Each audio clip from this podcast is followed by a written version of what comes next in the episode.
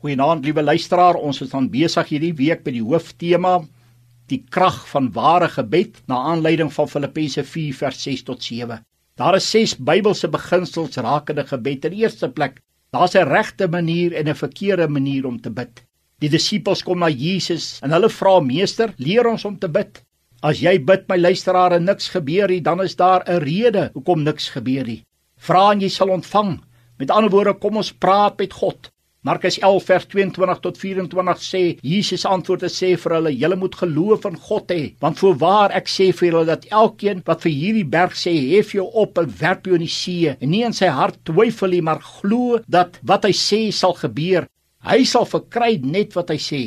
Daarom sê ek vir julle alles wat julle in gebed vra glo dat julle dit sal ontvang en julle sal dit verkry. God het die mens 'n stem gegee om te praat ja meer nog om met God te praat nog meer om te bid. Waarom kan 'n hond en 'n skaap en 'n kat nie praat nie? Hulle het nie stemme gekry om te praat nie. Hulle is nie gemaak dat die beeld van God nie. Hulle kan nie in 'n verhouding met God staan nie. Ek het juis gemaak aan die beeld van God om in 'n verhouding met hom te staan, ja om hom te aanbid. Aanbid jy nog die Here?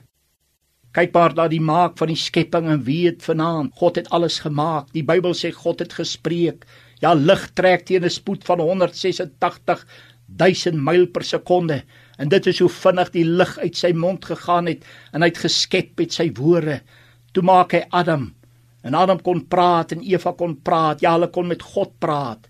En net so wil God hê dat ek en jy met hom sal praat wat hy tot so gemaak. God raak opgewonde wanneer ons op ons knieë kom.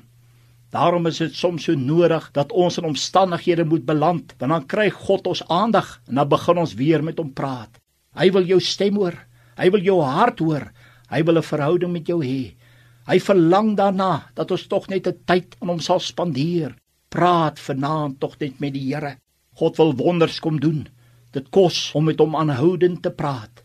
Lukas 11 vers 13 sê As julle dan wat sleg is weet om goeie gawes aan julle kinders te gee, hoeveel te meer sal die hemelse Vader die Heilige Gees gee aan die wat hom bid. Kom vandag na die Here toe. Kom aanbid vir hom. Ja, dit is iets groot om dit te doen. Hy kan ons enigiets gee as dit sy wil is. Ja, niks is vir hom onmoontlik nie. Lukas 1 vers 37 verklaar: Hy doen die onmoontlike. Daar is krag in ware gebed. Amen.